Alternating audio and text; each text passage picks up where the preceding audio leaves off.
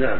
يسلمك شيخ عفى الله عنك آه، صليت المغرب رحت على سيارة أنا ويا ربع معي وجمعنا وقت المغرب وقلت لهم وقفوا بنصلي وقفنا نصلي أسكني على قدود صليت صليت.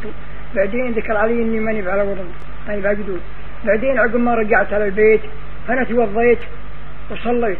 وقالوا لي ناس لا تصلي لنا حتى يجب المغرب. ما بين وقتين صلاة لا تصلي حتى يجب المغرب عليك وصل. وأنا ما عصيتهم وصليت تقدمت وصليت المغرب. لا أحسنت وأخطأوا. أحسنت وأخطأوا. اللي قال لك إن ما صلاة إلا في المغرب الآخر إيه. ما بين وقتين صلاة هذا غلط. واذا صليت مع الناس ثم ذكرت أنك على حدث إيه. تعيدها في الحال. توضا وتعيدها في الحال. هذا أجل. الربع اللي صلوا معي من نام عن الصلاة الربع اللي أو صلوا معي. نسيها فليصليها إذا ذكرها. لا كفارة لها إلا ذاك هذا فوت. ما قال واقيموا الصلاة لذكري.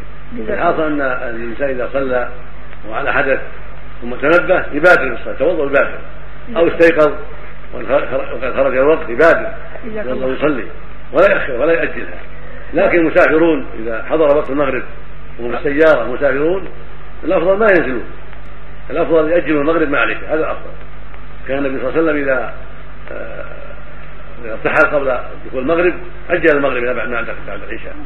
وإذا ارتحل بعد قبل الزوال أجل الظهر إلى إلى مع, العصر. يجمعها مع العصر. وهكذا المغرب إذا ارتحل الإنسان من مكانه على السيارة أو على الدابة قبل الغروب يأجل. بس المغرب. ما يقول ينزلوا يصلوا المغرب لا. يأجلها مع العشاء. هذا السنة. جزاك الله خير.